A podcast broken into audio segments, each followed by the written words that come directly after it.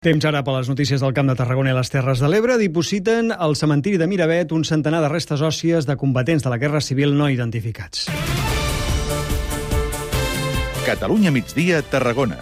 Manel Sastre.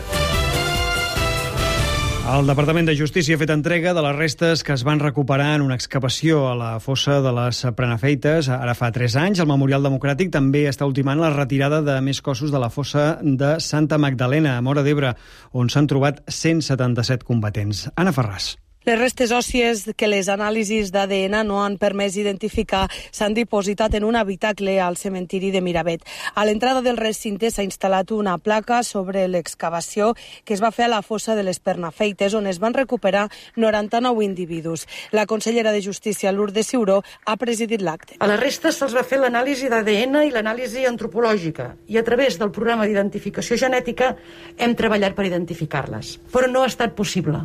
Malgrat això, avui els homenatgem i ho fem pensant que podrien ser familiars de qualsevol de nosaltres. Abans Ciuró ha visitat la fossa de Santa Magdalena de Mora d'Ebre. Després de vuit mesos de feina s'han localitzat els cossos de 177 combatents. A les Pernafeites i a Santa Magdalena s'ha constatat que es van instal·lar hospitals de l'exèrcit republicà durant la batalla de l'Ebre. D'altra banda, la consellera ha refermat el compromís del departament per mantenir i fins i tot avançar el calendari per retirar el monument franquista de Tortosa. Més coses, l'Ajuntament del Vendrell ha convocat nou places d'agents de la policia local, una mesura que de moment posa fi al conflicte laboral de les últimes setmanes. Els agents exigien que s'acabés amb l'alt percentatge d'interinatge que té la plantilla. Corresponsal al Baix Penedès, Montse Gené. Hola, bona tarda. La convocatòria de nou places per concurs oposició és un fet històric, ja que feia 10 anys que no se'n cobria cap. Els agents denunciaven que una quarta part del cos estava formada per interins. La regidora de la policia, Luz Ramírez, ha reconegut que la protesta dels policies ha influït. I, lògicament, la reivindicació doncs, també accelera que, que traiem tot això. Pel que fa als agents, molts dels quals han estat de baixa últimament, ho veuen bé, però esperen que s'acabin de cobrir les 14 places on hi ha interins, com explica Jordi Jiménez. Nosaltres havíem demanat en total 14 places pel tema de les jubilacions, comptant amb les jubilacions. Bueno, ells han volgut treure només 9 i tot el que sigui treure per nosaltres és positiu, clar. Aquest portaveu policial està convençut que la protesta ha estat clau. Us expliquem també que la plataforma Rebrotem, nascuda després de l'incendi que va afectar la Ribera d'Ebre ara fa dos anys, ha distribuït una segona partida d'ajuts als afectats. Els beneficiaris d'aquests diners són ara una trentena de propietaris que no eren professionals agraris després dels 36 ajuts que es van donar ara fa mesos.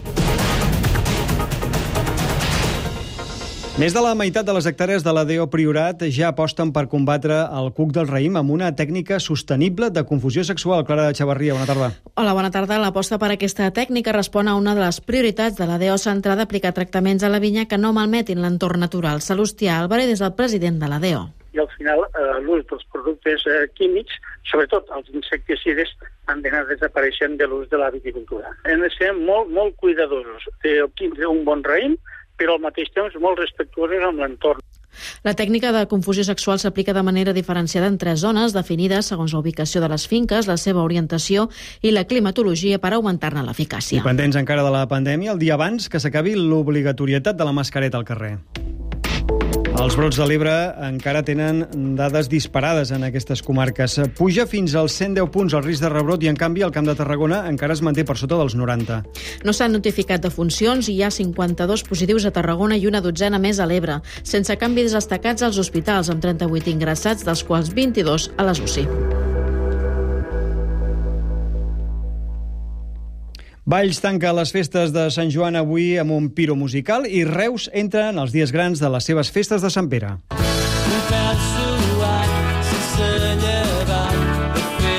El concert dels Pets és l'acte més destacat d'avui, amb les entrades exaurides de fa dies. Ahir, Tània Verge, la consellera d'Igualtat i Feminismes de la Generalitat, va fer el pregó d'obertura d'unes festes que encara estan marcades per les restriccions de la pandèmia. Va ser un pregó marcat pels records d'infantesa i netament feminista. Ara que comencem a sortir d'aquesta pandèmia, no podem tornar a aquella vella normalitat generadora d'exclusió, desigualtats i violències múltiples. Visca el Reus feminista, amb orgull, antiracista i acollidor i visca la seva festa major. Els actes més destacats d'aquestes festes de Sant Pere de Reus i els més tradicionals, però, no començaran fins dilluns, vigília de Sant Pere.